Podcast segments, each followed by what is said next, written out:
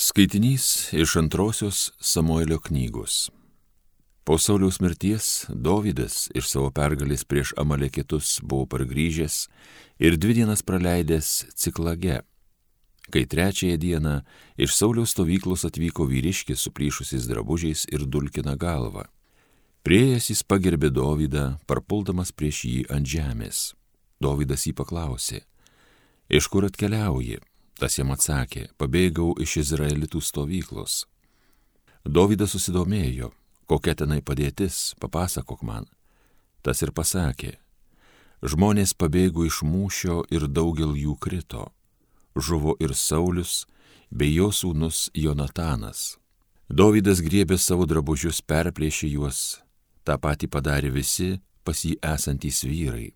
Jie ėmė verkti, raudoti, ir iki vakaro pasninkavo dėl Sauliaus, jo sūnaus Jonatano, dėl viešpaties tautos ir Izraelio namų, dėl kritusių nuo kalavijo.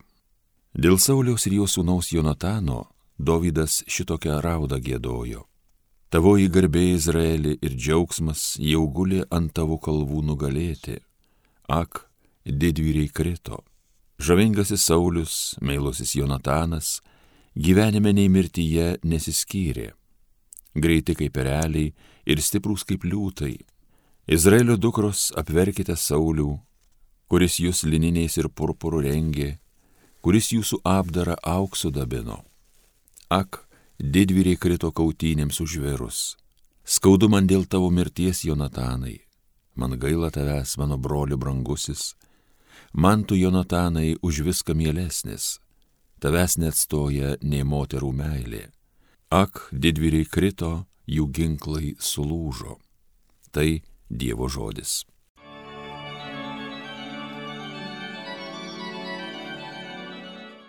Ten nušvinta viešpatie veidas tavasis ir mes išgelbėti būsim.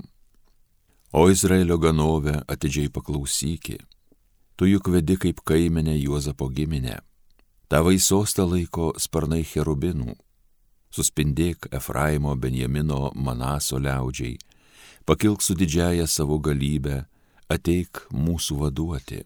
Ten nušvinta viešpatie veidas tavasis ir mes išgelbėti būsim. Dangaus kariuomenių Dieve, ar ilgai dar tu rūstausi, kai tave tavo žmonės maldauja, valgydini juos verksmo duona, ašarom gausi juos girdai, tu leidi kaimynams peštis dėl mūsų vaityčiojas priešai iš mūsų. Ten nušventa viešpatie veidas tavasis ir mes išgelbėti būsim. Alleluja, alleluja, alleluja. Atverk viešpatie mūsų širdis tavo sūnaus žodžiams.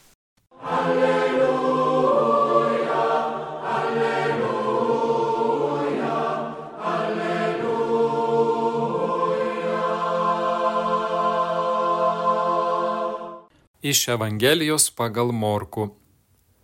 Jėzui sugrįžus namo vėl susirinko tiek žmonių, kad jie nebegalėjo nepavalgyti. Saviškiai apie tai išgirdę ėjo sulaikyti jo sakydami, kad jis kaip galvos netekęs. Girdėjote viešpaties žodį.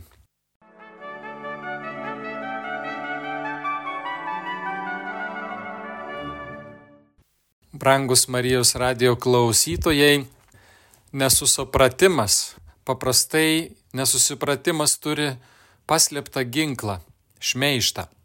Jėzus pats to nenorėdamas atsiduria apsuptas priešiškumo.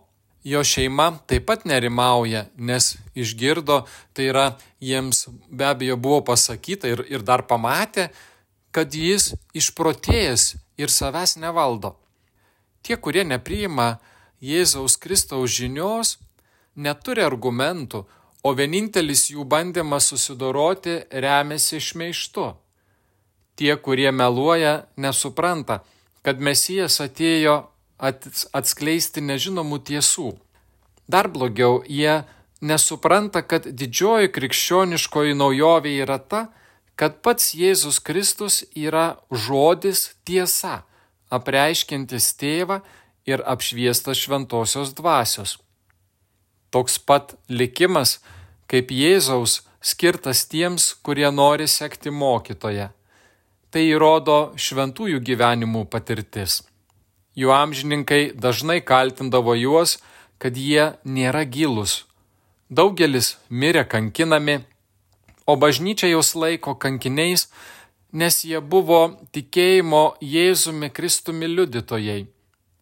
Tas, kuris laikosi Jėzaus Kristaus, turi žinoti, kad gers iš tos pačios taurės. Pamatę, kaip Jėzus viską atidavė už sielas, žmonės tikrai mane, kad Jėzus prarado protą.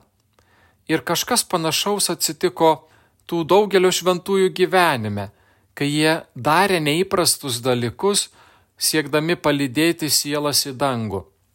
Šventasis Jonas Marija Vienėjus kartą pasakė, norint tapti šventuoju, reikia išprotėti, būti nepilno proto. Daugelis šventųjų garsėjo kaip pamišę. Šventasis Dievo Jonas, Šventasis Pranciškus Asižėtis, Šventasis Jonas Bosko, Šventasis Tėvas Pėjus ir tiek daug dar kitų šventųjų. Sekti Dievu arba daryti teisingus dalykus dažnai yra neįprasta.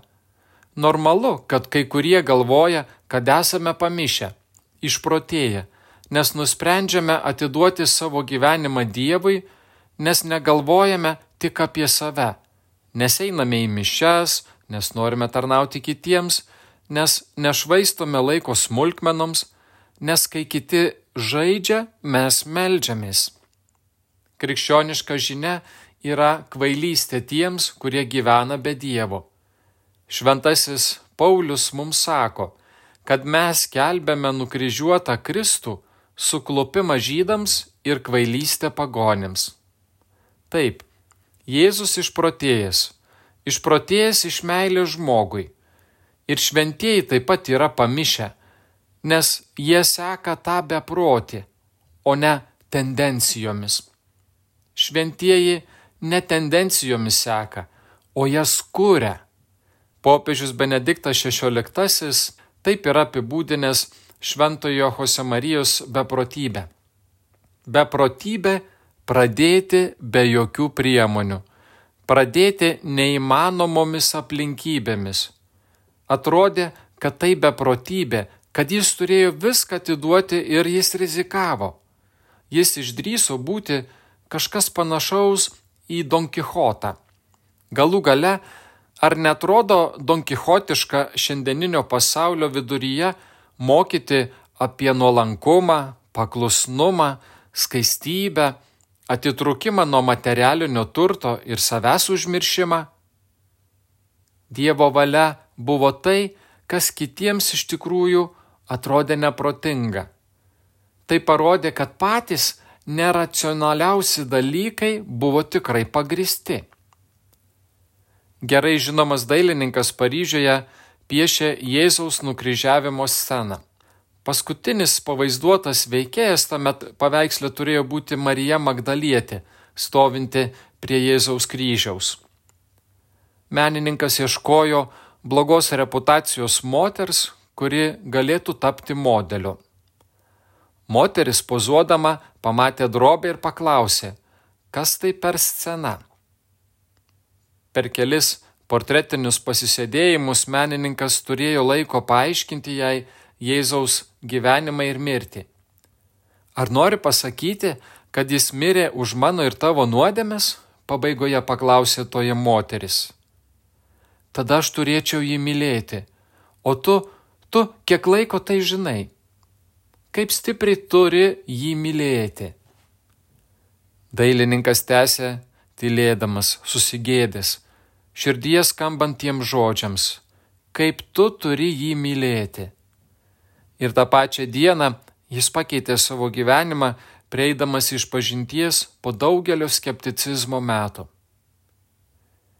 O toks žmogaus nepažįstančio Jėzaus klausimas, argi taip pat nebeprotybė? Juk paskatino aną garsų tapytoją sugrįžti pas Dievą tos blogos reputacijos moters klausimas. Argi negrina beprotybė? Rodos, Tikrai taip negali būti. Tačiau vienas Dievas te žino geriausius būdus prabilti į žmogaus širdį. Leiskime jam kalbėti. Amen. Garbė Jėzui Kristui.